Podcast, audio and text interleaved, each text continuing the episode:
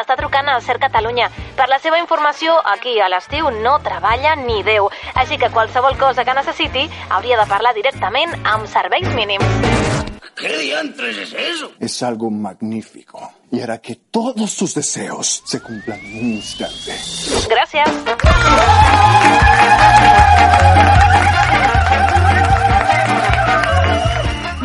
Dia a totes i tots des dels estudis de Ser Catalunya. Benvinguts a Serveis Mínims, programa de ràdio que fa vídeos i que també tanca la porta a la família de la Mònica Sánchez Mas. La qui, direu? La família de la Mònica eh, va anar expressament, ojo aquí, a Waterloo amb la il·lusió de saludar a Carles Puigdemont i es veu que no els va obrir la porta de la Casa de la República. Mònica, no t'han dit mai que no s'ha d'obrir la porta a desconeguts? Bon dia, Sergi Ambudio. Tu sabies això, no? Bon dia, Laura Estrada. I tant, a més, pensa que jo vaig néixer a Terrassa, que és niu de Ahà. delinqüència. Per tant, va ser la primera lliçó que em va donar meva mare. Escolta, Sergi, qui li dediquem el programa avui? Avui els belgues. Molt bé. Els belgues perquè és el Dia Mundial de les Patates Fregides i per molt que hi hagi algunes teories que també defensen que el seu origen és francès, nosaltres apostem per Bèlgica. I per què?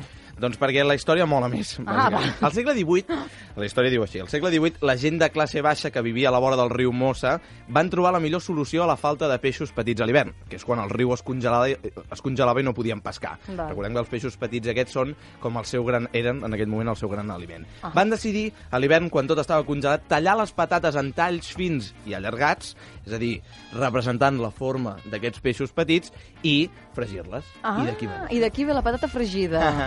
Molt bé, doncs mira, aquest programa va per vosaltres, estimats belgues. Saludem també des de la cabina el tècnic del programa, en Tomàs Sánchez. Soy tan romántico que a veces pienso que debería casarme conmigo mismo.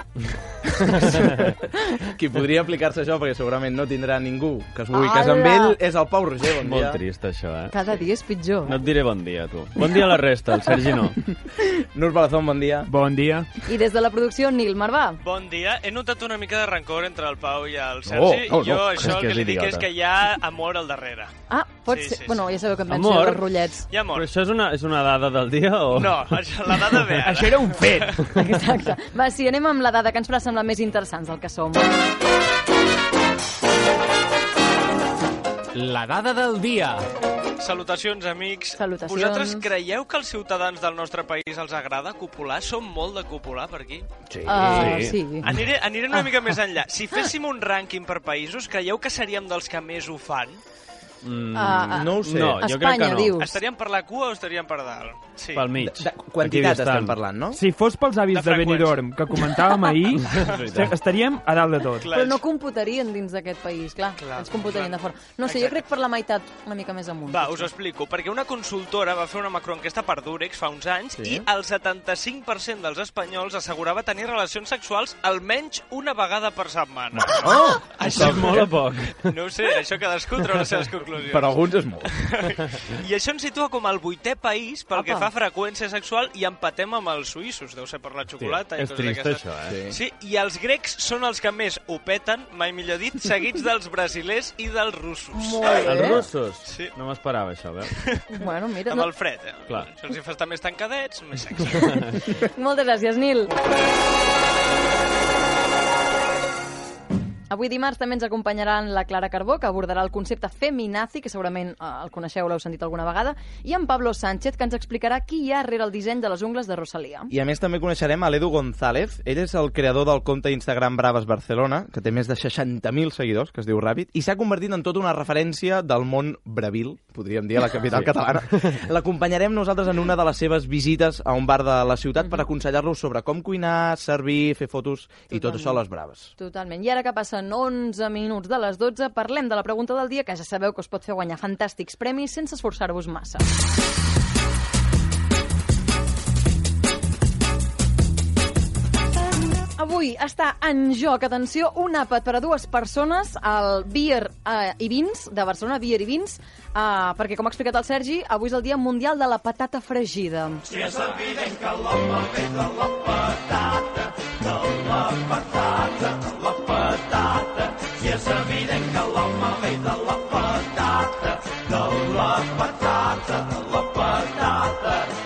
I què podeu menjar al Vins? Doncs unes braves molt bones, cervesa, unes olivetes... Escolta, el que us ofereixin, tu. Un tiberi, eh?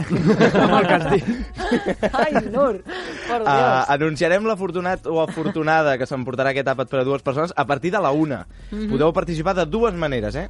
Dues. Atenció. La primera, entrar a les nostres xarxes socials, arroba serveis mínims, com sempre, i seguir les instruccions del post que hem penjat, que són, bàsicament, seguir-nos, compartir el contingut i etiquetar amb qui us agradaria anar. Recordeu, arroba serveis mínims, Twitter, Facebook i Instagram. I la segona opció que teniu és esperar-vos a que comenci l'entrevista, que és quan obrirem línies. Encara no, eh? És a dir, Encara no, no. truqueu, encara no, d'aquí una estona us avisarem, podreu trucar-nos i d'aquesta manera doncs entrareu al sorteig.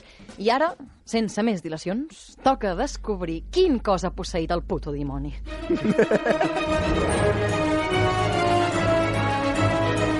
El puto dimoni del dia!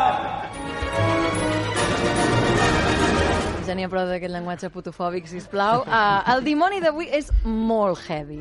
Per aquells que acabeu d'aterrar avui a serveis mínims, només heu de saber que cada dia em dedico a veure quin cos ha estat posseït pel diable. Sí. En comptes de fer un exorcisme, doncs jo ho comento, no? I així passem l'estona. val? Sí, veus? I s'acaba aquí, això.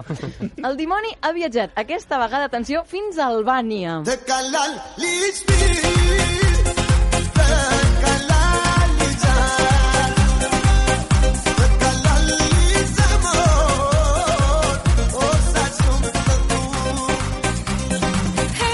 temazo. Eh que sí? Música Albània és el que surt a YouTube. Doncs bé, uns turistes espanyols van ser atacats ahir mentre anaven en cotxe per Albània. Resulta que van anar a un restaurant que té molt males ressenyes a TripAdvisor, que dius, escolta, si té males ressenyes, no hi confiïs, no? Però bé, doncs aquests turistes van anar igualment. I què va passar? Oh, sorpresa, doncs no els hi va agradar el menjar. Vaja.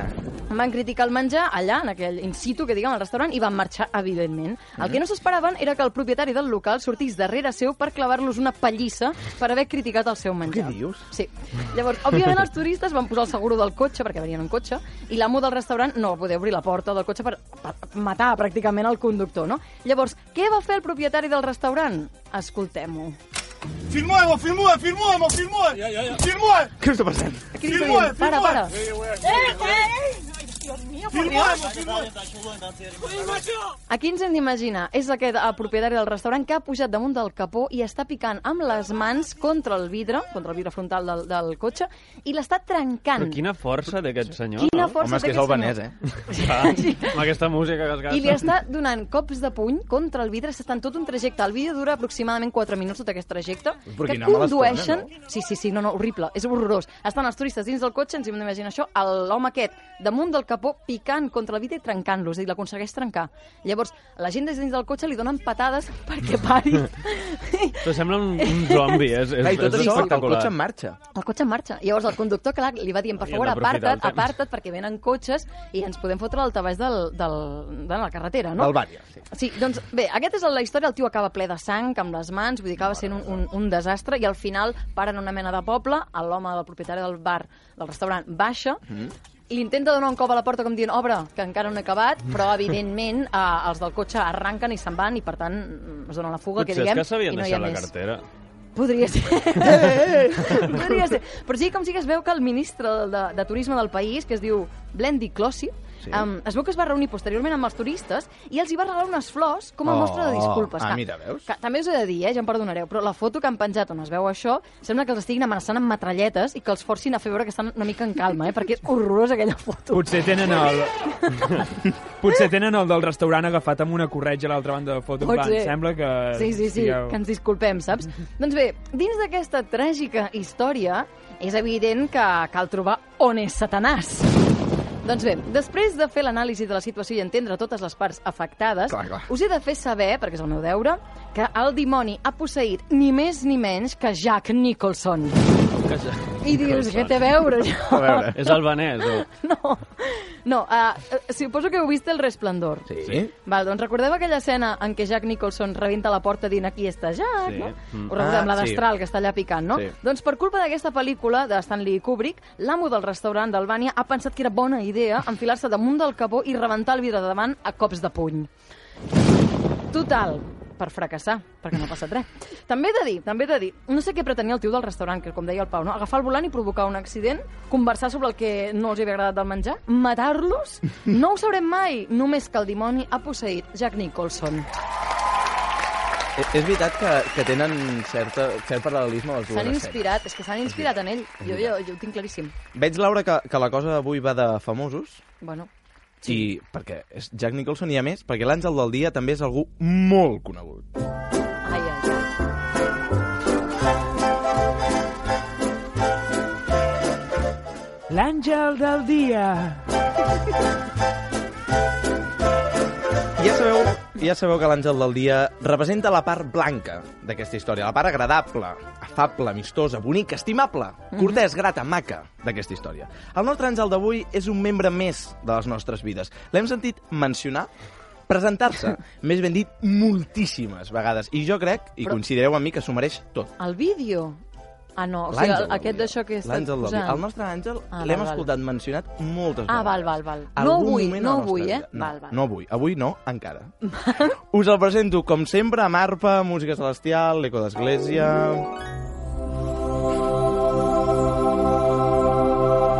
L'àngel del dia és... Joseba de Carles. Soy Joseba de Carglass. Soy Joseba de Carglass. Soy Joseba de Carglass. Soy Joseba de Carglass. De Carglass, de Carglass, de Carglass, de Carglass. Soy Joseba de Carglass, de Carglass, Carglass. Carglass. Soy Joseba, soy Joseba, soy Joseba, Joseba, Joseba, Joseba. Joseba de Carglass.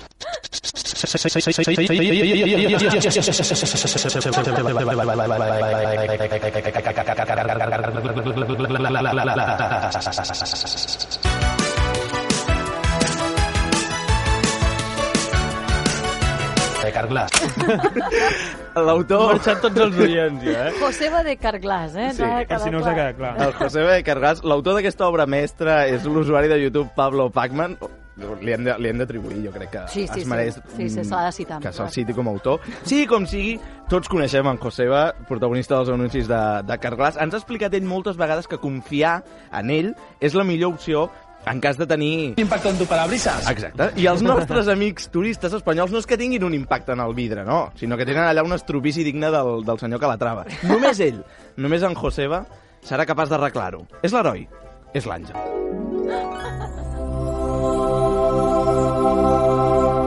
És possible que li hagi donat l'àngel del dia en Joseba només per escoltar aquesta meravella de remix? Sí. És possible. De fet, és així. Sí, com sigui, estimat Joseba... Joseba, eh? Joseba, per fi podràs deixar de fer anuncis i dedicar-te d'una maleïda vegada al que et paguen, que ser mecànic. Confiem en tu, Joseba.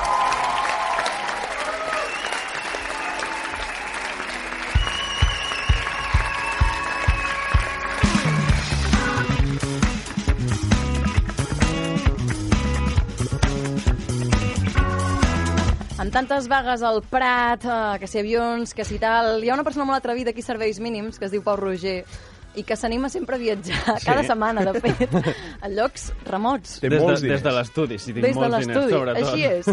Que no Sí. li fan por les vagues. No, no em fan por les vagues, perquè tampoc he d'anar a l'aeroport, però si el Víctor Rodrigo té la màquina del temps i el bar on fa els viatges aquests que fa ara amb la música, i el Nil va donar voltes amb la seva furgoneta per Catalunya, jo directament agafo un vol de Ryanair al que li està a punt de caure una ala i la cabina del pilot està en flames mentre uns terroristes amenacen d'apretar un botonet i fer Apa. explotar-ho tot. Aquest és el meu tipus de viatge que m'agraden, d'acord? Sí. Jo Molt bé. us he portat al Japó, hem anat a una tribu remota on es menjaven Sí. els seus, uh, les cendres i no sé què més. A Estats Units, també. Les, Sí. les curses d'estrussos, aquesta... Sí, d'Estats Units. Sí. doncs avui anem a un dels països on és més difícil viatjar. De fet, té l'honor de tenir la posició 178 de 180 de la llista de la llibertat de, la, de premsa, Ah. només sobrat per Corea del Nord i Eritrea. Vale. Són dos llocs que destaquen per la seva democràcia i la, la seva simpatia. Sabeu de què es tracta? No, no. No. És de Turkmenistan.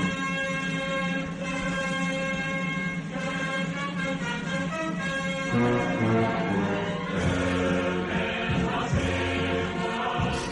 preguntareu què hi ha d'interessant en un estat eh, que, és, eh, que és una dictadura, no? Una, una cosa, vull dir, per què tots els himnes són tan millors que l'espanyol?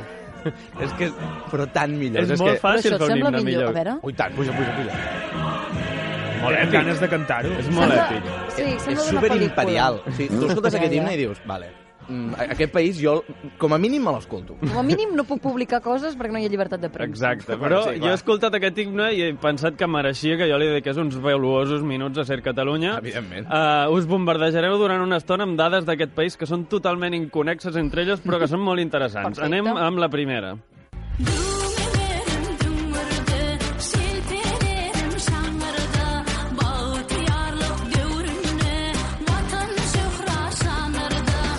A la capital de Turkmenistan, que és Ashgabat, Ash, Ashgabat, Ashgabat, perdó, sí. Ashgabat, només s'hi deixen circular cotxes blancs, d'acord? Això és una Ah. dada de veritat. Uh, això és perquè tots els edificis són de marbre, Ah. de fet tenen el rècord Guinness mundial de la ciutat amb una concentració més alta d'edificis de marbre blanc, és un rècord molt específic, d'acord? I també és, és blanc i daurat perquè hi ha moltes estàtues d'or, d'acord? Molt or. El dictador, a més, es diu Gurbanguly Berdimuhamedov. D'acord? Molt bé, ho he llegit molt bé. Sí. I el seu predecessor és Saparmiat Niazou. El, aquest, aquest últim, que no repetiré el nom, però ja, ja, ja ho he dit, ara ja està gravat. No podies anar a, a Itàlia. No. Que Mussolini, Berlusconi, No, no. Salvini, no. Aquest últim senyor va ser el que va fer, eh, va, va fer la independència de la Unió Soviètica d'aquest país i llavors va establir tot de normes absurdes, d'acord? Mm, Van considerar que quedava molt més cuqui la ciutat amb marbre blanc, blanc d'acord? I amb els cotxes només blancs. De fet, a més, si circules amb el cotxe mínimament brut per la capital, et poden posar una multa molt gran. Hòstia. O sigui que has de netejar el cotxe i a més ha de ser blanc per entrar dintre la, dintre la, la capital. És, per tant, és molt difícil això de tenir cotxe a Turkmenistan.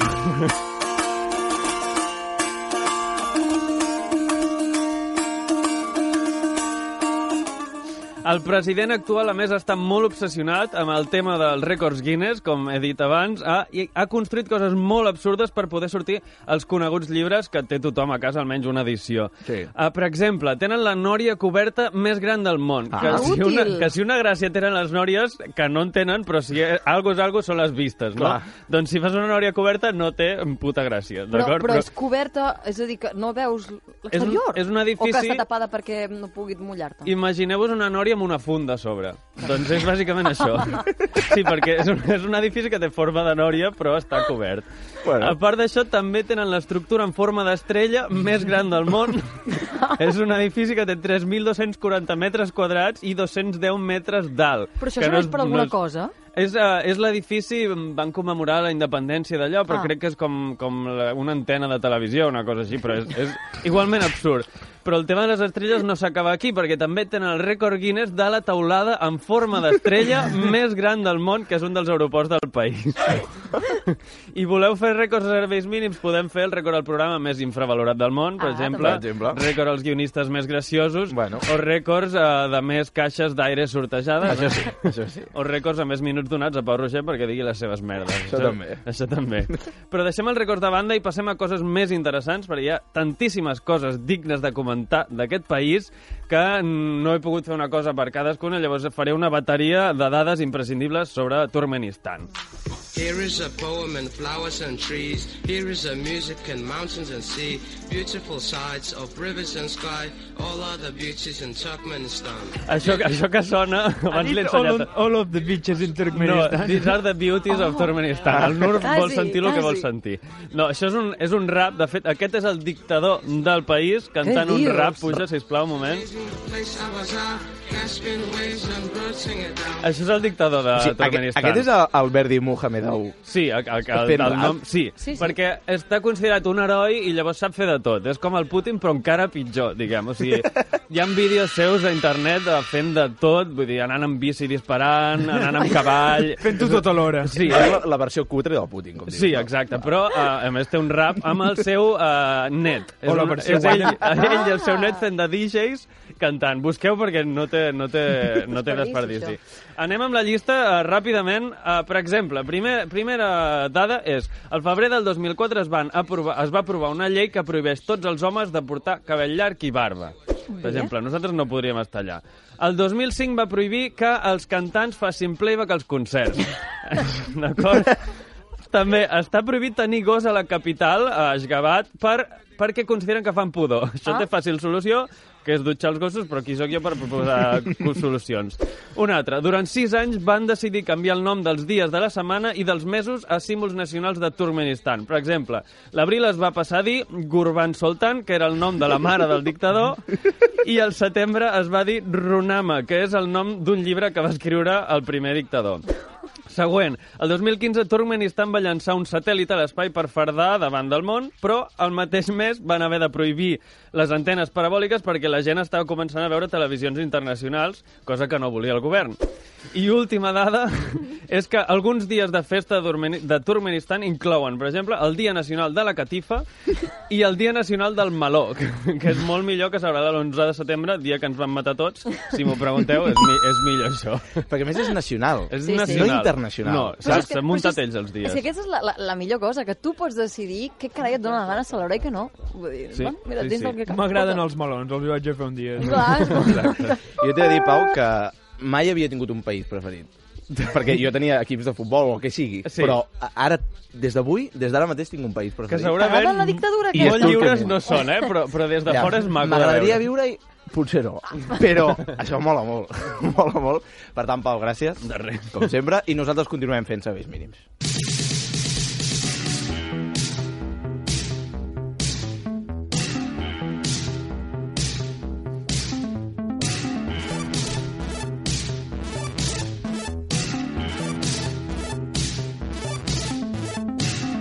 Dimarts és dia que, com sempre, ja és tradició, ve la Clara Carbó a parlar-nos una mica, a posar-nos, que diguem, uh, podríem definir una mica com que ens fa una mica de teoria sobre el feminisme, sobretot allò que té a veure amb el gènere, o si més no, aquesta és la missió, o amb el que ens va voler colar la seva secció quan es va presentar, van presentar candidatura a serveis mínims. Clara Carbó, bon dia. Bon dia.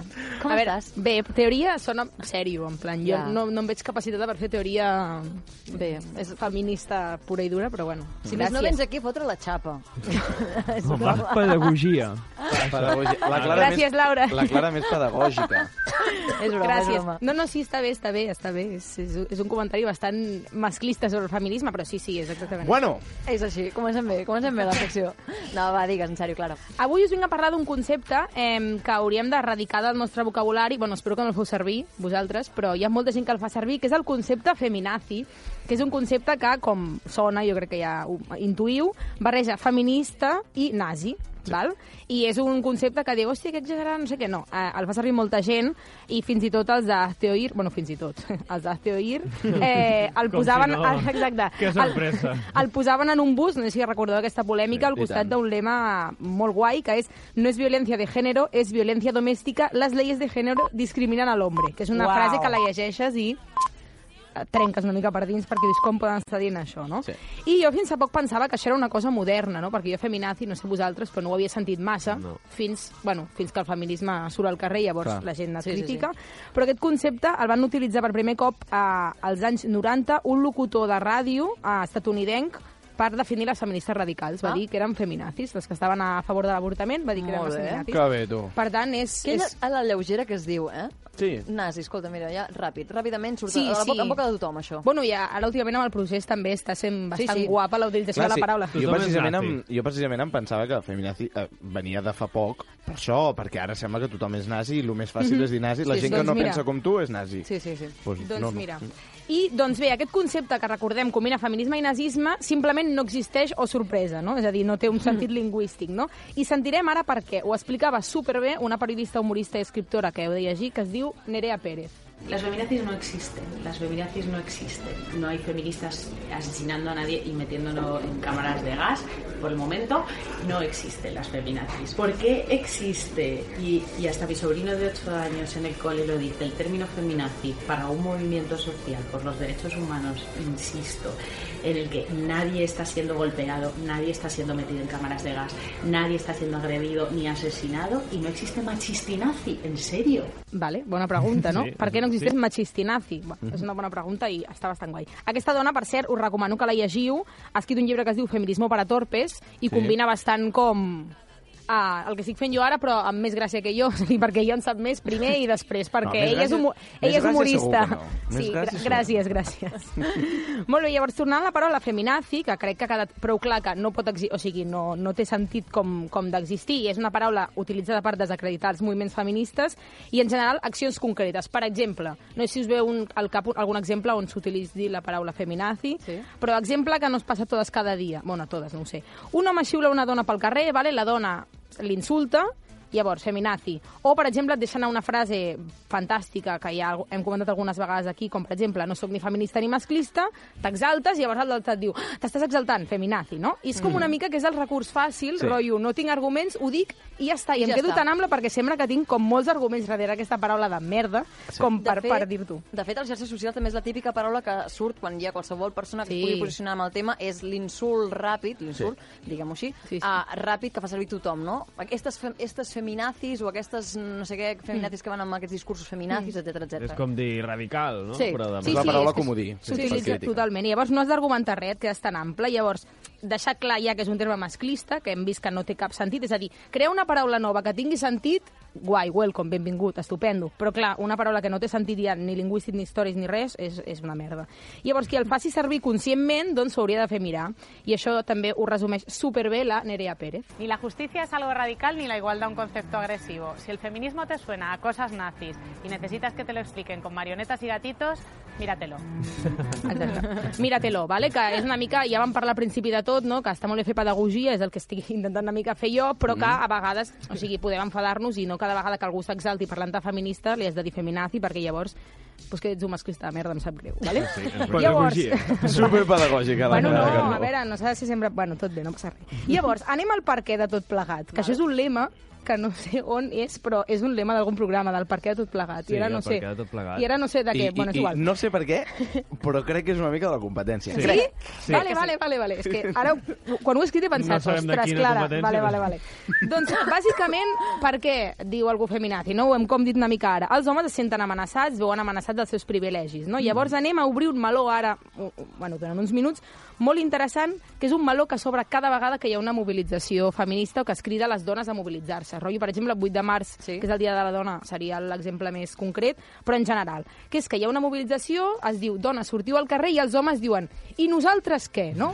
Molt bé. On som- on quedem nosaltres, no? Aquella On mania d'estar nosaltres? tot arreu, eh? Exacte, ja no és només de on quedem nosaltres, que llavors, eh, perquè no teni, tenim un dia, no sé què, sinó nosaltres què fem? Nosaltres no podem sortir aquell dia? Vale. Llavors, les persones que no entenen que siguin les dones les protagonistes d'aquest dia, que jo pregunto, què us passa, no? Llavors, perquè trobo que és un exercici bastant senzill de fer i, de fet, ara el farem tots i totes aquí i si ens esteu escoltant també el podeu fer. Vale. Per exemple, exemple pràctic, qui ha d'estar o qui té sentit que estigui davant de la mobilització per millorar les condicions laborals, per exemple, de l'empresa fictícia que jo anomeno la Taza?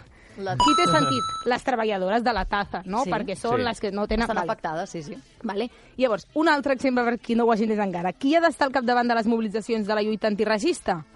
Doncs les persones migrades i racialitzades, no? Això s'entén fàcil, no?, Sí, quan ho dius. sí, Vale. sí, sí, és el més lògic. Pues, amb les mobilitzacions pels drets de les dones, qui té sentit que estigui al capdavant de la mobilització? Els homes, no. La, les dones, no? Vale, llavors aquí, ojo, perquè aquest exercici és senzill, però llavors, vull precisar, això vol dir que la lluita és exclusivament d'aquestes persones i que no necessiten ni volen suport social? No, la resposta és no. no? Tot i que, tot i que hi haurà qui et dirà que sí.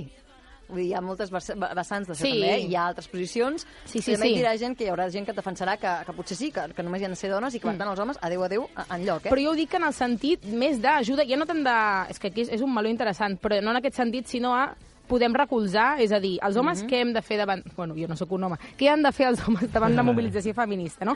Que una persona sigui la protagonista eh, d'una mobilització vol dir que és aquesta persona a qui s'ha d'escoltar, se li ha de preguntar com es sent, se li ha de preguntar per les seves necessitats, per poder ajudar en la seva lluita. És obvi que si mm, les persones blanques, nosaltres, no ajudem les persones migrades, a- aquí no canviarem res, però elles han d'estar davant de la lluita, nosaltres hem d'ajudar a, no? I així, en general, amb totes les, les vagues i lluites. I llavors, el proper 8 de març, a mobilització feminista, en comptes d'exclamar al cel eh, i nosaltres què, què fem, no sé Mm. què, no? perquè hi ha la sensació aquesta de oh, és que ens exclouen de la mobilització. No, perdona, bueno, tranquil, ah, calma, no? I llavors, pregunteu a les vostres companyes de feina, a les vostres amigues, mare, germana, àvia, què necessiten, i llavors us diran totes el mateix. no, òbviament no, no hi ha un punt de vista únic, Clar. i llavors jo crec que en, en general es tracta com d'ajudar a la lluita feminista i si pot ser, que això és el més difícil de fer jo crec eh, en general, sense pensar-te la medalleta de ei, he fet això, o ei, sóc feminista, no? Perquè aquí també hi ha molts debats de la gent aquesta que tota l'estona està ensenyant, no? Homes més aviat, no? Que es pengen la medalla de eh, soc feminista perquè tal, o eh, faig el meu tuit o deixo en el meu comentari superfeminista, de fins a quin punt ho estàs fent per tu o realment estàs ajudant a, a visibilitzar la lluita. Sí, sí. Això està ple, suposo. De fet, suposo no, és així. Exacte. Sí, sí, sí, n'hi ha, molts de casos d'aquests. Llavors, aquest era una mica com el missatget d'avui de homes, mm, calma, no? Perquè sembla que... No no, sembla que no ho entenem, però llavors quan no ho expliques és, com, és bastant senzill Sí, sí, d'entendre que a la, a la capçalera de la mani no hi hagi homes, Sí, no? sí, sí. En plan, és bastant fàcil d'entendre. I fins aquí la pedagogia. Llavors, Ara els insults. Ah, no, no, no, no. Anem a trencar cames. No, no, no, no, jo no insulto, jo no insulto mai. Llavors, uh, m'acomiado, com sempre, amb música, llavors ja deixem feminazis i tot, perquè ja està.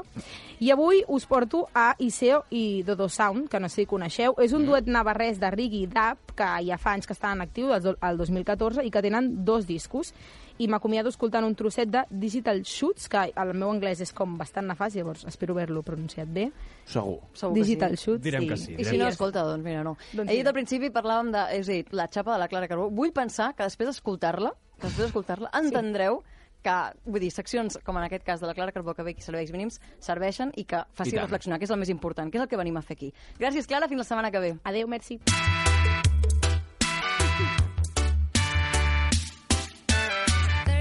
Mouse hunters chasing the rats.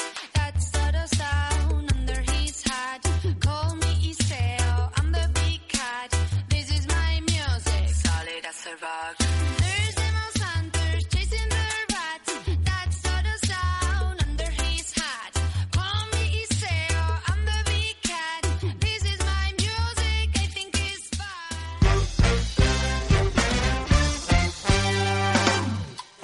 Esteu escoltant Serveis mínims. Fes bondat, eh? Ara hem d'escoltar el que ens explicarà. Amb Laura Estrada i Sergi Amburi. Estic tan content que m'esclatarà el cor! A Ser Catalunya. Si és evident que l'home ve de la patata, de la patata, la patata. Si és evident que l'home ve de la patata, de la patata, la patata. 21 minutets i arribarem a la una del migdia i amb la patata de la trinca i amb un fortíssim aplaudiment rebem a serveis mínims a ningú.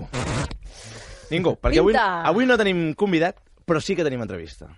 Us ho explico. El Pau, la Laura i jo vam sortir d'excursió fa uns dies per apropar-vos tot el que fa l'Edu González, com us hem avançat al principi del programa. Ell és, ho repetim, l'home rere el compte d'Instagram Braves Barcelona, té més de 60.000 seguidors i s'ha convertit en tota una institució del món de la Brava la capital catalana. Ara sí, que torni la trinca. Si és evident que l'home ve de la patata, de la patata, la patata. Si és evident que l'home la patata, la patata.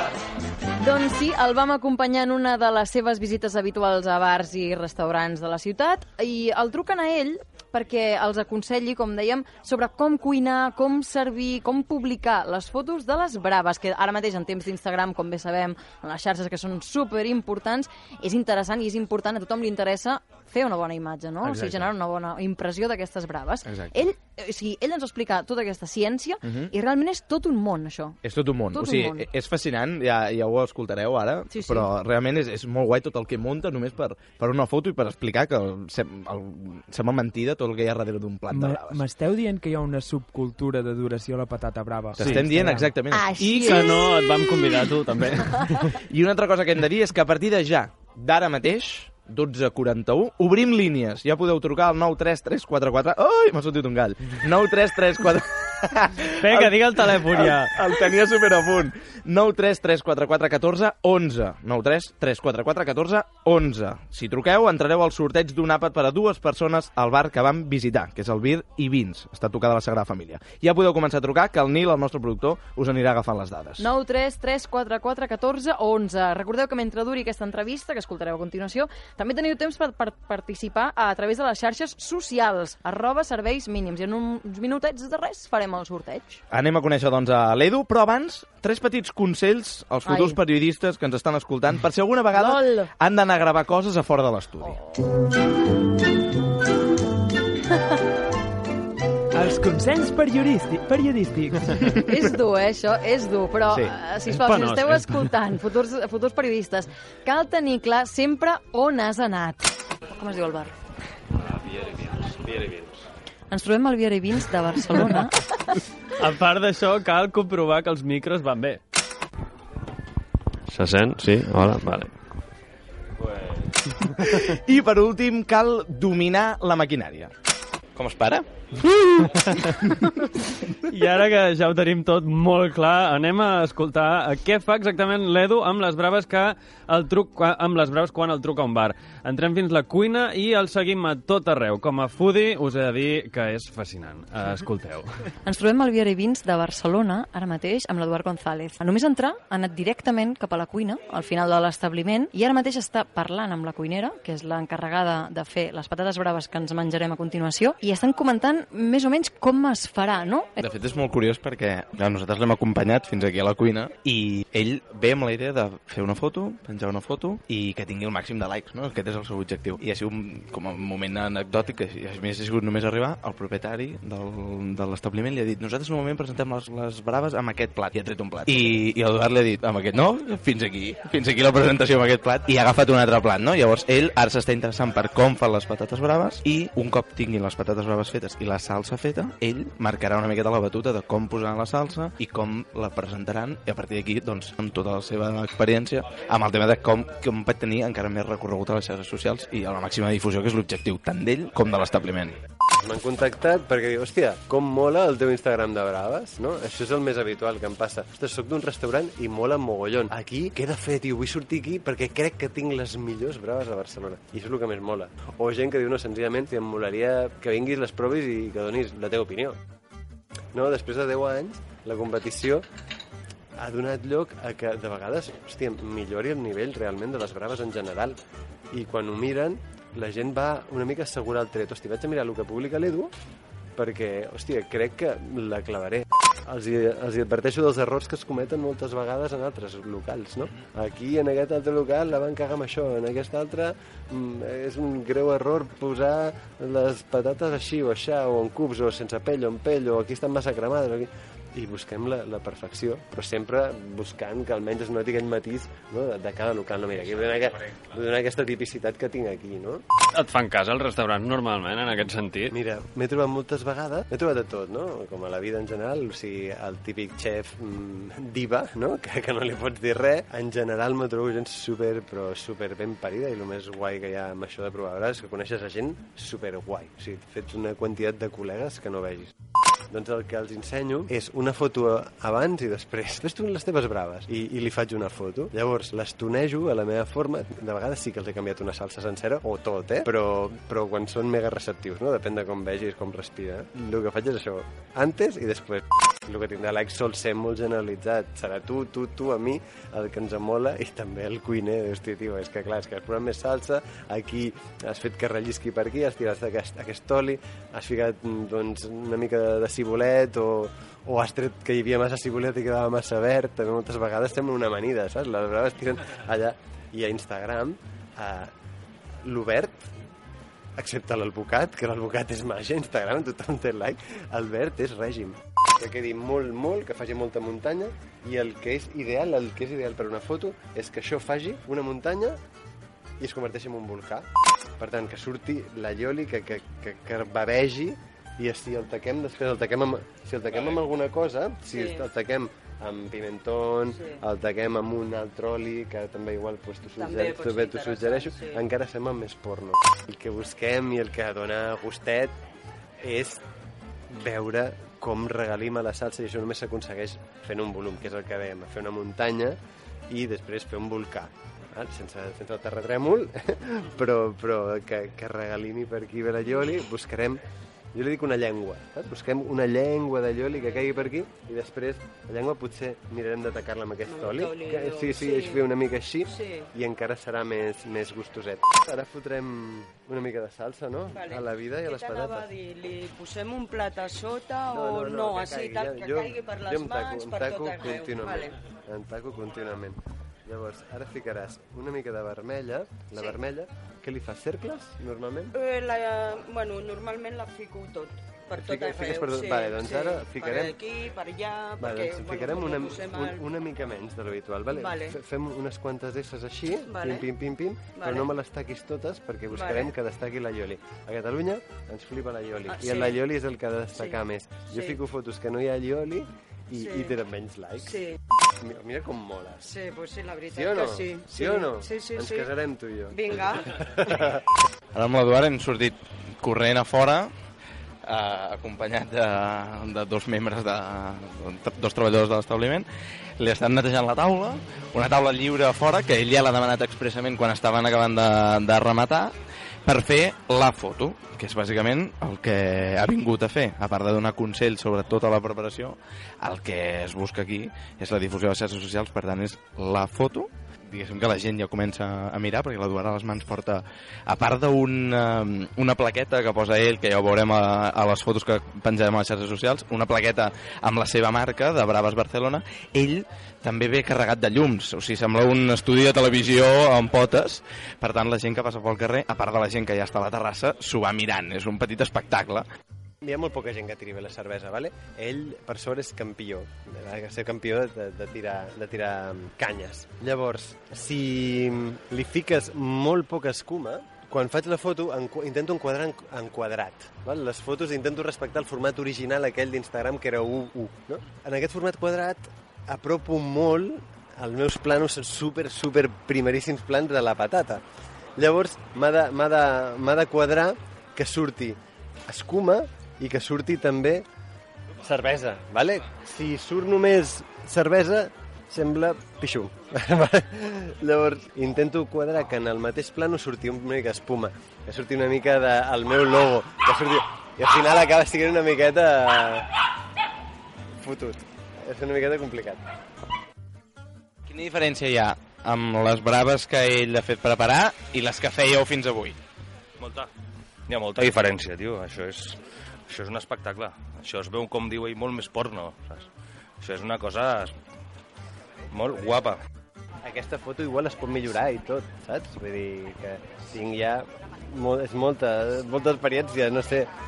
Jo crec que estic a l'entorn de igual 100.000 fotos així de, de braves. El que, el que hi ha a la xarxa són moltes fotos de, de braves de gent que fa repost, vale? que utilitza les braves d'altres i, les, i les posa allà. Totes les fotos que hi ha al meu Instagram són meves, saps? I per això em foto aquesta pallissa i curro tant, perquè vull que siguin meves, perquè vull que sigui un contingut autèntic, perquè, a part, escric de vegades pràcticament 2.000 caràcters a cada post, i això, hòstia, molt poca gent ho fa, saps? I després de tot aquest show a fora dins, a dins i a fora, vam tornar a entrar al bar, al Viri Vins, i vam seure una estona amb l'Edu perquè ens expliqués d'on ve tota aquesta passió. De fet, ell és químic, fa 14 anys que treballa en un laboratori i compagina totes dues coses, i ens va confessar que no dorm gaire bé, però que val molt la pena. Així va començar tot. Quan vas començar aquesta aventura? Sempre m'ha- m'havia interessat, sobretot quan vaig fer... Jo, jo sóc de Girona, i a Girona s'imposen sempre les braves del cònic, les braves del cònic, les braves del cònic. Quan vaig, no sé si ten, no tenia ni 18 anys, vaig conèixer un dels meus millors amics, que és de Barcelona, que a més anava molt per la zona de Sarrià, i em va dir, no en teniu ni idea, les millors braves de Barcelona són les del Tomàs. Llavors em va portar el Tomàs i és com vaig tastar una cosa absolutament diferent i que em va obrir un món.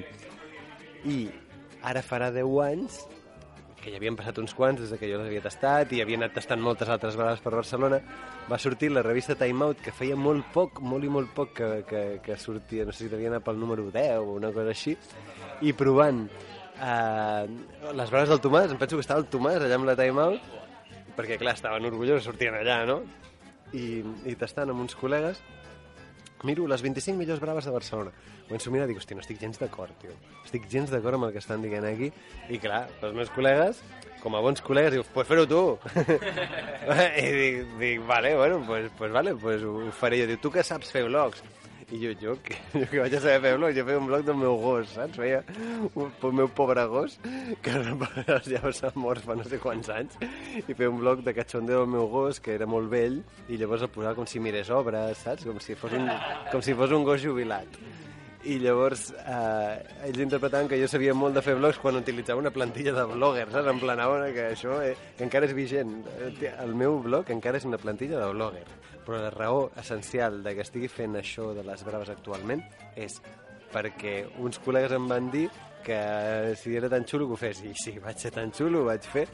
Vaig començar el blog i és bestial perquè, res, no sé si en un any i mig o dos anys de tenir el, el, el blog, que hi havia, no sé si 20 o 30 braves, no hi havia moltes més, uh, ja em van trucar de ràdios, de BTV, i vaig començar a sortir entrevistes i dic, hòstia, això, això de, o, o és un filon, o, o els hi mola, o no sé, no ho entenc. Ja el sortia a, als ràdios i teles, doncs encara ho mirava més gent, això em va animar a fer encara més coses. I a part va coincidir en l'efervescència de Facebook i les xarxes socials. I després, les típiques interaccions que s'han de fer quan portes xarxes socials, de començar a interactuar amb foodies, que això no feia gens interactuar amb gent que, que, que es dedica a això, amb restaurants, no? Estic a bo, tal, i quan comences a fer-ho, notes que, que diuen, hosti, qui, qui és aquest friqui que només té braves al seu perfil? Perquè qui dimonis només té braves al seu perfil? Pues, pues jo. I, i clar, s'interessaven molt ràpid. És, el feedback era molt ràpid. Per tant, el 2000, posem 16, va començar a créixer molt com l'escuma però el creixement és espectacular els dos últims anys. El 2017, perquè ho porto controlat, el dos, crec que a finals de 2017 tenia uns 15.000 seguidors i ara estic ratllant els 60.000. O sigui que és pràcticament quadruplicar-ho, cosa que és bastant inaudita, sobretot ja t'he dit, quan faig contingut que és meu, o sigui, tot ho escric jo, totes les fotos són meves, tots els vídeos són meus, tot ho faig jo. Hi ha gent que al seu mòbil té fotos dels gats, dels gossos, dels mascotes. Si ens ensenyis la teva galeria de fotos, només serien braves?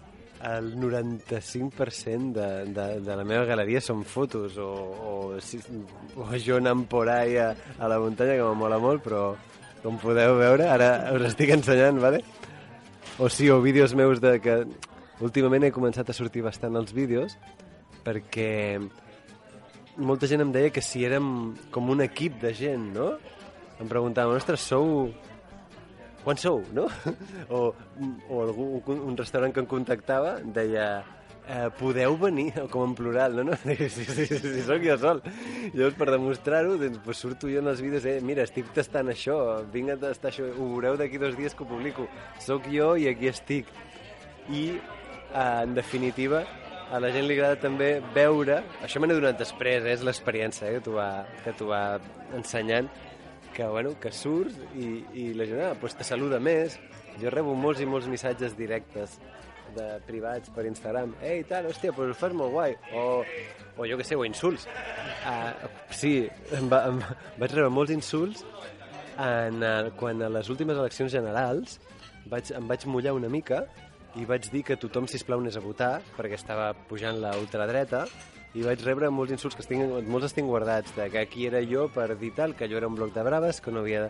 Però bueno, creia que també mo molta gent del món de la cultura, mo jo no em considero del món de la cultura, potser més del món de la incultura, però, però bueno, que, que molta gent es mullava i crec que havia de fer alguna cosa, no? I el dir això i també animant a que les dones sobretot anessin a votar perquè no, no es podia permetre que una força absolutament masclista pugés i que era una amenaça i bueno, evidentment què va fer? el pitjor que hi ha al món és la ultradreta per tant tots els ultradretans van començar a, a insultar i, i, i jo, bueno, dic moltes gràcies, adeu, saps? Bloquejant, no, bloquejant immediatament a tots, no? Però que, bueno, que és això, que personalitzes i també té els inconvenients, això, que et coneixen pel carrer, no? Que de vegades vola, però d'altres no. Bueno, entenc que la, la, la resposta a aquesta pregunta és evident, però perquè precisament per això... no, però vull dir, per, per això té sentit la, la Conta Braves Barcelona, però um, ens entra molt per la vista el menjar? És a dir, necessitem que la presentació sigui molt bona perquè allò ens vingui de gust? Mira, necessitem tant, tant i tant, que ens entri per, pels ulls, que fins i tot s'estan imposant els vídeos, perquè ho veus amb els ulls, però a més per diferents angles. Si tu dones unes patates només d'un angle, no una foto, jo intento, el que us he comentat abans, fer fotos en volum, no? Però clar, el vídeo, jo faig moltes vegades vídeos fent-li voltes no? a la, a, al plat, perquè faci, de vegades fins i tot queda una mica cutre, perquè clar, hi ha un moment que em trencaria el canell, no? Però va- vaig fent així perquè es vegin tots els angles i, i donar el, la perspectiva del que et trobaràs. Doncs aquesta és la, la història que hi ha darrere de, de Braves Barcelona. Realment, insisteixo en això que hem comentat al principi, que és realment fascinant. Ens va Sí. sorprendre a tots Sí, sí. veure tot el que es munta allà per unes braves. Sí, sí, sí. No, l'Edu González, vull dir això, ja ho he vist, un expert que compagina una doble vida, podríem Sí, dir. sí, sí. Una doble vida. I això ho podeu seguir a Braves Barcelona i per assabentar-vos d'on anar a menjar les millors uh, patates braves de tota la ciutat. De fet, també està a Girona. Us entrarà gana, i a Madrid, també. Sí, i a Madrid, sí. correcte. Vull dir, ja ho sabeu. Uh, I, a més a més, com també sabeu, estem obrint línies 93 344 14 11 93 344 14 11 truqueu, ja ho ha fet alguna, uns quantes persones truqueu ara, el Nil us agafarà les dades el Nil Marval, el nostre productor i entrareu al sorteig d'aquest àpat per a dues persones al Beer i Vins, que és el bar on vam anar precisament a, a fer aquesta entrevista a conèixer l'Edu González que està tocada a la Sagrada Família. Correcte. I té un ingredient més, aquest bar, per qui Mm. no estigui convençut d'anar-hi, que és que el propietari del bar Sí. és campió de tirar. tirar, Ah, sí? cervesa. Cervesa. I són precioses. Són Les- En vam veure algunes Sí. i són espectaculars. Per tant, pels amants de les braves i els amants de la cervesa, eh, truqueu ja. Sí, Truqueu ja. participeu. Tornem d'aquí uns minuts després del butlletí informatiu de la una. Fins ara. Fins ara. Hola, està trucant a Ser Catalunya. Els informem que actualment tenim la bústia de veu plena. Així que per qualsevol cosa que necessitin, si us plau, parli amb serveis mínims. Vuestro rey sufre con todos vosotros, comparte vuestra indignación y co- confía en la fortaleza y efi- y efi- y efi- y efi- y efi- y efi- y efi- Me he equivocado y no volverá a ocurrir. Gràcies.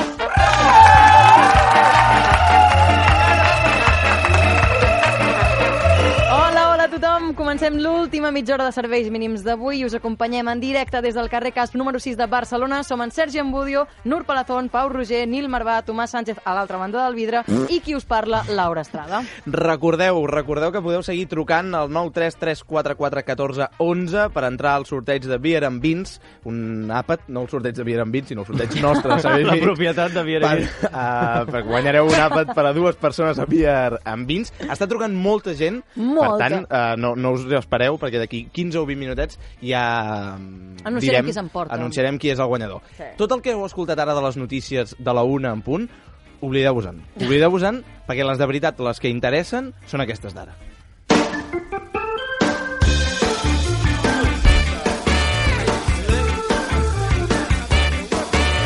I, Sergi, tens raó. Tens raó perquè les notícies arriben ara a serveis mínims. Amb Nur Balazón. I, i al tanto. Al tanto perquè tanto. portem la informació que us portava aquí a l'estiu avui a les 7 del matí, però bueno. Sí, sí. No puc permetre un poble desinformat, així que, si us sembla bé, anem a comentar les notícies.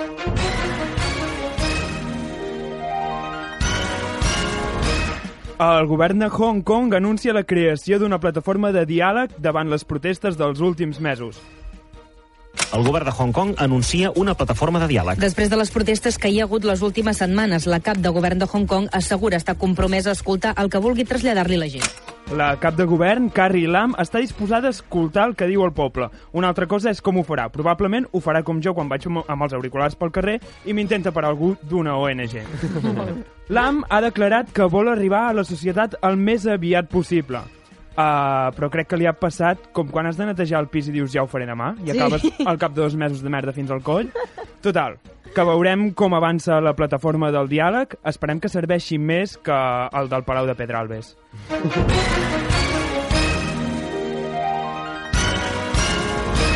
A Estats Units prova per primera vegada un missil de llarg abast després de retirar-se d'un tractat amb Rússia que els prohibia. Els Estats Units han llançat un míssil de creuer.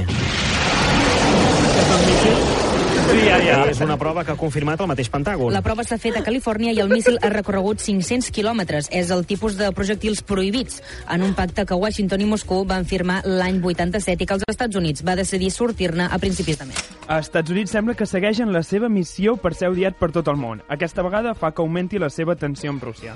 Fa unes setmanes, el país de les hamburgueses es va marcar una esquerra republicana amb la independència i es va retirar d'un tractat amb Rússia que prohibia els missils de mitjà i llarg abast. Avui Estats Units ha fet la primera prova amb un d'aquests míssils. De fet, al míssil li han posat «Eh, Putin, que et folli un peix, ens hem avançat», perquè míssil creuer d'abast mitjà que recorre 500 quilòmetres i cau just una via era massa llarg. Clar. El Pentàgon ha declarat les dades recopilades i les lliçons apreses en aquesta prova informaran el desenvolupament del Departament de Defensa sobre les capacitats futures d'un missil d'abast mitjà. Mm. Tot i que vinguent del govern de Donald Trump, m'estranya lo d'informar i capacitats. És com si l'espanyol parla de marcar gols i jugar a futbol. No sé de què m'estan parlant, però jo no el segueixo per això, diu un votant de Trump seguidor de l'espanyol.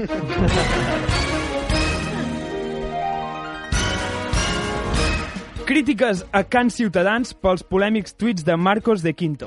Continua un malestar intern a un partit polític, com és Ciutadans, pels tuits que ha fet un dels seus integrants, fitxatge estrella d'Albert Rivera, el diputat Marcos de Quinto i els disbarats que va arribar a escriure a la xarxa justament sobre Arms.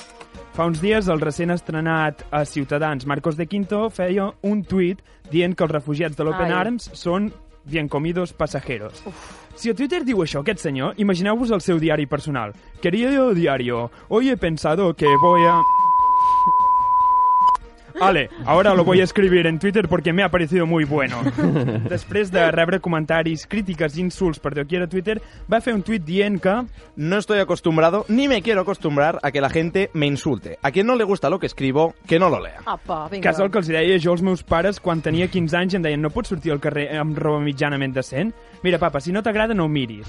Sí, l'argumentació de Ciutadans. El tuit de disculpa, però, no acaba aquí. Lamento que alguna vez haya respondido con la misma moneda, pero no es agradable tener que soportar continuamente a tanto deficitario educacional. Deficitari educacional, eh? A veure, Chacho, que no et flipis, que estàs a Ciutadans, que tampoc estàs... mm, jo què sé.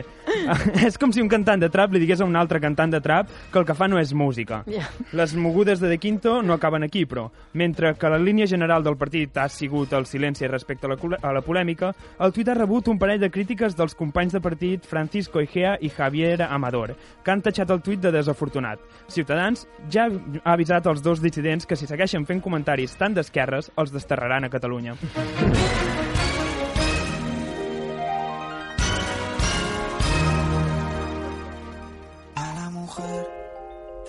Mala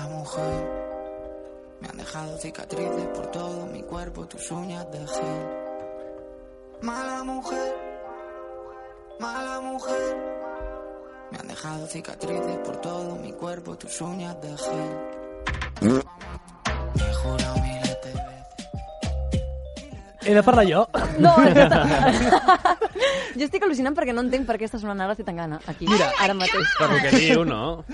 Mira, està sonant... Hola, hola, què tal? Bon dia. Hola, Pablo Sánchez. Ah, he posat Zetangana per, per dos motius. En primer lloc, perquè volia picar la Clara, el que passa que la Clara ja ha marxat, però... Ah, exacte. perquè la setmana passada, com sabeu, va parlar de Zetangana, Exacte. però perquè avui volem parlar de les unyes de gel, de les ungles de gel. Bueno, Sí. com heu introduït també a la primera hora, avui volem parlar d'aquest accessori especialment que s'ha fet molt famós després de Rosalia, no? Un accessori Mhm. que de cop, Sí. com dic, apresta aquesta importància. Toca parlar un cop més de Rosalia, Mm? però No la gent res, que no tanqui la ràdio, Va, que no tanqui la ràdio, sisplau. vaja, vaja, vaja. Perquè no és només Rosalia, també és Batguial, és Nati Peluso, és Carol G i moltes altres artistes i molts altres artistes que en llueixen diàriament. Sí. Avui coneixem qui hi ha rere el disseny de les ungles de totes aquestes artistes, en Val. concret i molta altra gent. Avui hem parlat amb Maritza Paz, que és Mhm. tècnica d'ungles i propietària de Divine Nails, que és, com deia, l'estudi que fa aquest disseny. Anem a veure què ens ha explicat.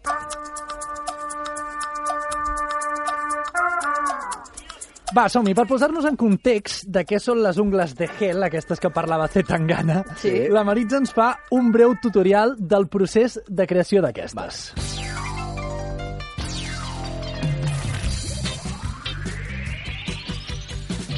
Primero pues limamos la uña, quitamos un poco la grasa que pueda durar todas las tres semanas o cuatro.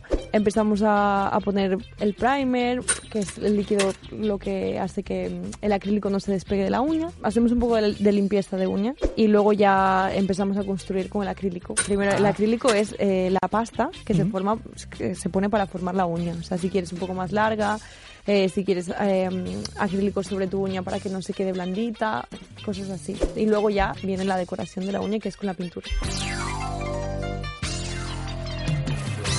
Eh? Bé, doncs com veieu, exacte, Pau.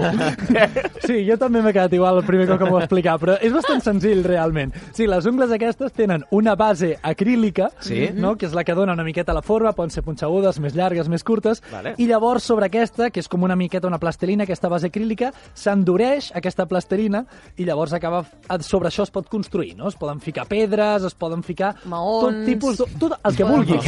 A més, Maons. em va sorprendre perquè parlant amb la Maritza és com jo li deia, bé, doncs què, què es pot posar? I diu, no, és que realment es pot posar el, el que vulguis. I, I ella no semblava gens escandalitzada, jo li podia dir objectes i em deia, sí, sí, és a dir, es pot posar, sí, tot el que vulguis te lo ponemos. Bueno, total, a les ungles es poden ficar, com deia, coses a sobre, es pot ficar la pintura, que seria la base, després, doncs, brillants, sí. gent que s'ha posat esbarosquis, etc etc. però també es poden posar coses dins les ungles. I aquí Ai. és on ve lo divertit. Fa mal. Escolta, si hem de parlar de sang i No, no, no, d'històries no, no, així... no, no, hem de, Va, és a dir, va. dins les ungles seria com entre l'acrílic i Clar. les ungles es Ah, poden no es incrustar nota l'ungla. coses. No, home, no, dins... Que no hi ha cirurgia aquí Val, val, implicada. val. Vale. Llavors, què creieu? Perquè hi ha una cosa en particular que em va, que em va sobtar, que han arribat a ficar sota les ungles. Vale. Una cosa de menjar... És una cosa Ai, no, que... que Bueno, menjar, jo, jo crec que es pot menjar, però no és... Cabell de bebè. Pues seria bastant Sí. extravagant, Què però... penses, tu? Què No tens al cap? No ha arribat a ser tan escabrós, però és bastant sorprenent. Pero la marihuana también se puede encapsular, ¿sabes? Es una cosa que, que las hojitas de Ujú. marihuana vienen y nos, nos piden Ah, mira. que las metamos dentro del acrílico. O sea, metemos la marihuana dentro del acrílico y... Queda como transparente, Claro, no? I se ve el... y se queda la hojita como flotando. Així que marihuana, com a, com a de opció sobrar, també, estètica. eh? T'ha de sobrar per poder-te-la posar. Eh, és, això és, Clar. és, és, és Però- qüestió de lluir. Però Però és potser- la fulla. La fulla no s'aprofita. No. No, Ah. no sóc Ah, un expert. gràcies. No, sóc un expert. Però anava a dir que, que potser, potser és una bona manera de, de, de, de, D'emmagatzemar. de traficar-la. dic. O sigui, a l'aeroport, Ai. a l'aeroport, no sé si els detectors de metalls aquells i d'això de, del control de seguretat de l'aeroport travessa el, Exacte, i si la no, capa. posar cocaïna, és estètica, potser, no? Exacte, és estètica. unes ungles llarguíssimes. I blanques. Plenes. La qüestió és que no hi ha límit. Aquí es Clar. poden ser llargues, poden ser punxegudes i podem posar el que vulguem. I llavors, és això, gràcies a aquesta base, doncs, les possibilitats són enormes. Clar, l'oient, i suposo que vosaltres, es deu estar pensant, clar, unes ungles molt llargues i extravagants, molt estranyes, que porten les celebrities, com dèiem, amb marihuana incrustada, però la Maritza ens ho nega rotundament. Això ho pot portar qualsevol persona. Cualquier persona, ya te digo, desde una oficina, desde trabajar en una frutería, trabajar de cajera, cualquier persona y se atreven a todo. Hay gente que sí que, pues, mm, yo que sé, una enfermera, por ejemplo, no, no le dejan llevar tantas cosas y se pone un color más flojito o unas uñas más cortas. Clar, ens queda clar que qualsevol persona les pot portar, no? Qualsevol clar. tipus de persona, però ens imaginem que serà per ocasions especials. Són unes ungles treballades, Sí, sí. dissenyades... Però escolta, pagant, Sant Pere canta, eh? Clar, clar, clar. Això, eh? això està clar, però, Sí, sí. ostres, és dir, unes ungles així, que a més a més, com tu dius, pagant, Sí, sí. no te les poses qualsevol dia. Va, doncs la Maritza No. novament ens ho desmenteix. Hay gente que las utiliza para el día a día. Sí, sí, se ponen unicornios dibujados, eh, Ah, vale. yo que sé, flores en 3D, que Hmm. son flores con, la misma, con el mismo acrílico, cadenitas colgando. O sea, hay mucha gente que, que lleva esto. Que vienen cada tres, cuatro semanas y vienen y las rellenamos otra vez. Volvemos a hacer la decoración que quieran. Y hay gente pues que a lo mejor nunca se las pone, pero o nunca las dejan llevar en el trabajo y en verano, todo el verano se las ponen. És que és aquest el tema. És a dir, tu pots portar cada dia, sí, però poc has de treballar amb les mans. És a dir, no sé de què treballa aquesta Ah, que gent, sí, eh? cirur- Perquè... Fruteries, ha dit tot això. No m'ho vull imaginar, Ell ens eh? venia a explicar que les ungles, com que Clar. tenen moltes possibilitats, si portes un perfil una miqueta més baix, unes ungles més discretes, Mm. pots acabar fent de tot. Però bé, aquí és on, on hi ha lo sorprenent, perquè és, és com tu deies, no? no fas moltes coses amb les mans, ergo pots portar les ungles Sí. llargues, com seria el cas de les cantants que només han d'aguantar un micròfon, no? Però aquí és on surt Bat Guial, que Mm. fa un temps va publicar un vídeo en què ensenyava que realment es pot fer de tot. Venga, Alba, enséñanos cómo se lía un porro. Tenemos un porro de hachís, lo tenemos aquí. Previamente lo hemos ¿Triturado? troceado. Procedemos a la trituración. Bueno, aquí viene la parte realmente complicada para las uñas, que es mezclar bien Y que no se meta y dentro. no quedarte con media Claro. mierda. Claro, eso ¿vale? es lo difícil. ¿Ves? Se te puede caer un poco. Bé, Es lo ti- Bé, eh, Ho és està fent amb les ungles, Ho està fent això. amb les ungles, Ah, això, perquè Bat bé. Gial és una d'aquestes artistes que n'acostumen a lluir bastant aquestes ungles. De fet, les fa Pensava que la, la de mateixa marihuana. Maritza. Tot, tot, en, tot, Porros. És el que anava a dir. Tot gira això. Tot, tot ens acaba portant els porros. Bé, la qüestió és, es pot fer de tot, sí, Bat Gial, però la Maritza també hi posa límits. Pero sí que hay cosas pues que cuelgan a lo mejor, que puede tener el riesgo de que se te, se te rompa o se te arranque si haces cosas del día a día, pues yo que sé, limpiar. Hay gente que se acostumbra a limpiar con las uñas ya largas, Mm. pero hay gente pues que le gusta llevarlas largas y con cositas que a lo mejor sí que limpiando pues no se acostumbra tanto. Cosas así. Si se las hacen es porque saben hasta dónde pueden llegar. Luego hay gente que, que se quita las uñas y no puede hacer nada. Dice, me quito las uñas y no puedo ni escribir por el móvil, no puedo coger nada, no. Hi ha, hi ha els seus límits. Com deia la Laura, és molt els, les feines manuals Sí, i sí. especialment si les ungles, doncs això, porten coses penjant, que és quan I- trobem el límit. I que se se te'n trenca una, ja l'has liat.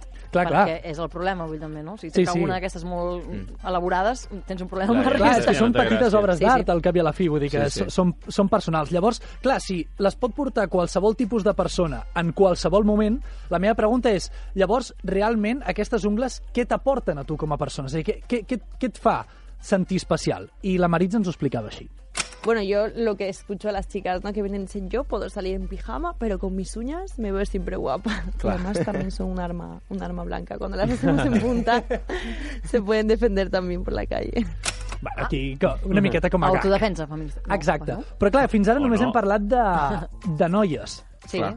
Llavors, el límit és noies no, no. No, o les Eduard poden portar nois? Tijeras, ja va. Exacte. Home. I entre ells també les va fer la Maritza. I la, la Maritza ens explica que hi ha, hi ha de tot, hi ha de tot. Y los chicos también se hacen acrílico. A veces se atreven más que, que cualquier Sí. otra, otra persona, así que, que una chica se atreve.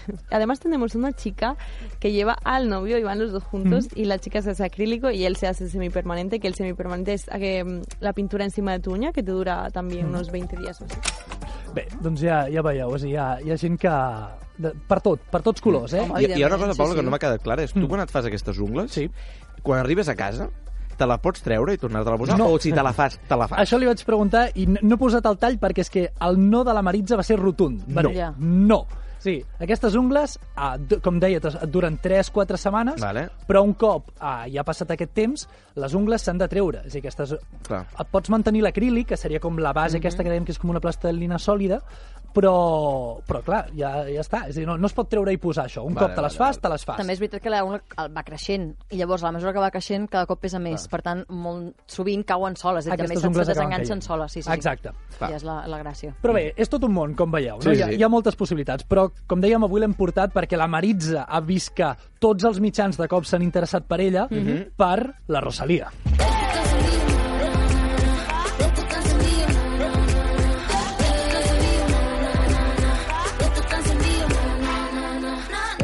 Aquesta és la cançó Aute Couture, que és la que va treure Rosalia amb un videoclip en què especialment lluïa unes ungles que eren doncs, molt extravagants, no? Sí. d'aquestes especialment grosses amb les que doncs, segurament doncs, aquests, aquests límits que, que explicava la Maritza que no podies fer en el teu dia a dia. Clar, la gent s'imaginava que la Maritza estava darrere només les ungles de Rosalia, però és que Rosalia no va ser la primera persona famosa Ja. que la Maritza... Sí, no, diguéssim que la Maritza no va entrar en el món del famoseo gràcies a la Rosalia. Ah. Hi va haver gent abans. No, no, no, no, no. Fue Paula González. Fue Paula que fue la, la ganadora de Gran Hermano. De Gran Hermano, sí. Y con ella empecé a trabajar desde hace ya cinco años, me parece que nos conocemos. Y la verdad fue ella la que me hizo mucha publicidad. Estoy muy Mm. agradecida con ella, la verdad. Paula González, perquè la pugueu sentir i sapigueu qui és, perquè jo no tenia ni idea de qui era Paula González de Gran Hermano, és aquesta... Después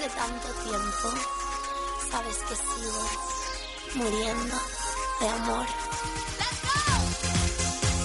I fins aquí. Igual que Rosalia, eh? Té la mateixa qualitat I musical. fins aquí la Paula. És més o menys això. Ens explica una miqueta com va entrar en el món dels famosos gràcies a la Paula González. Porque eh, tenía una sesión de fotos y yo en ese entonces vendía ropa. Y bueno, aquello que, que empiezas a mirar por Instagram y tal. Y encuentras pues eh, a la fotógrafa, una fotógrafa que le iba a hacer fotos. Y le hablé y le dije, mira, oye, si quieres ropa, aquello que, que regalas y luego te, te mencionan o te publican y tal. Le digo, si quieres ropa, te doy ropa y le haces la sesión a Paula. Y me dijo, ah, vale, perfecto, pues si te quieres venir, eh, le traes tú la ropa y tal, y estamos aquí. Vaja, es va, es va interessar per Instagram perquè sabia que hi hauria aquesta sessió de fotos i a partir d'aquí, aquí és on comença a tenir una miqueta de picardia, com ella ens explica. Y luego eh, me pidió si la podía acercar a casa. Digo, sí, no hay ningún problema. La acerqué, le dije, digo, Paula, cuando ya estaba yendo a casa, le digo, oye, si te interesa, yo hago uñas también, si algún día te ah, pues sí, déjame tu teléfono. Yo pensaba que no me iba a llamar, ¿sabes? Y digo, bueno, pues le di mi teléfono y a los dos días o así me llamó. Y a partir de ahí, pues nunca más nos hemos separado. Carai, quina bonic. història. Oh, que maco. I llavors... és això, ell explica que és molt important el boca-orella, però és encara més important a partir d'aquí, llavors és això, altres famoses van començar a interessar per les ungles, com jugadores de... Ah, perdó, um, dones de jugadors de futbol, Mm. ell ens explicava molts exemples, i a partir d'aquí doncs, es va fent una bola, no? Doncs Clar. la gent ho va coneixent, però que la base és fer ungles que estiguin bé. Perquè, clar, no et serveix que algú et faci promoció un dia i després no. Llavors, al cap i la fi, Divine Nails, el que els ha fet forts és que fan bones ungles, i això és el que hi ha darrere d'aquestes ungles de Rosalia i de moltes altres artistes, com hem vist. Doncs moltes gràcies, Pablo Sánchez, per acompanyar-nos amb aquesta... Vull dir, un personatge interessant. Maritza Sí, no sí, el sí, coneixia, sí, sí. vull dir, segurament molta gent Hi ha tampoc. gent, hi ha gent rere. Moltes gràcies, doncs seguim i ara sí, eh, procedim a sortejar aquest àpat doble per Beers i Vins. Regalets, regalets, regalets, regalets. Regalets. ha trucat moltíssima gent. Ai, moltíssima. Ha trucat moltíssima Una gent. vintena de persones. Recordem també que la gent que ens ha contestat a xarxes socials, Facebook, Twitter i Instagram, també entra en aquest estan tots sorteig. al- dintre el concurs. Hem fet un recompte de les desenes de trucades que hem rebut i les desenes de comentaris i ho tenim tot a punt per fer sorteig. Sí, sí, sí. Ara ho, preguntem, ho preguntarem a la Siri, a veure si avui ens fa cas. Aviam si va bé, ara. En total, quanta gent per això estem... En quanta gent Són estem... 55 persones. 55 Sí. persones. Bé, Uau. escolta, és emocionant, vull dir, una cosa... I Sí, no hi haurà sí. tongo, perquè de fet això puc gravar, si voleu, ara mateix amb el vídeo i tot. Vinga, va, procedim amb, procedim Amb el vídeo. Nur, sisplau. amb la Siri, per favor. Siri, dime un número aleatorio entre el 1 y el 55. Oh. Mare meva, quin desastre. La Siri falla quan més la necessitem. Sí, Sí, ho podem tornar a intentar una última vegada? Vale, abans ho hem intentat, eh? Siri, dime un número aleatorio entre el 1 y el 55. Vinga, ja, és que n'estic Preguntem a llaços. una mà, una mà innocent, Pablo, un número entre l'1 i el 55. El 27. El 27. Ràpid, ràpid, ràpid, ràpid, ràpid, Ai, ràpid. Marcas, un rondalló gravant aquí. 27, 27... Estic trist per lo de la Siri, 27. És Sergi HR, que anirà amb César Jiménez. Molt bé, bravo! Enhorabona, César. Nosaltres ens acomiadem per avui. Tornem demà a les 12, com sempre, del migdia aquí a Ser Catalunya, amb més serveis mínims. Que vagi bé. Adéu, adéu. Ràdio Barcelona, cadena SER.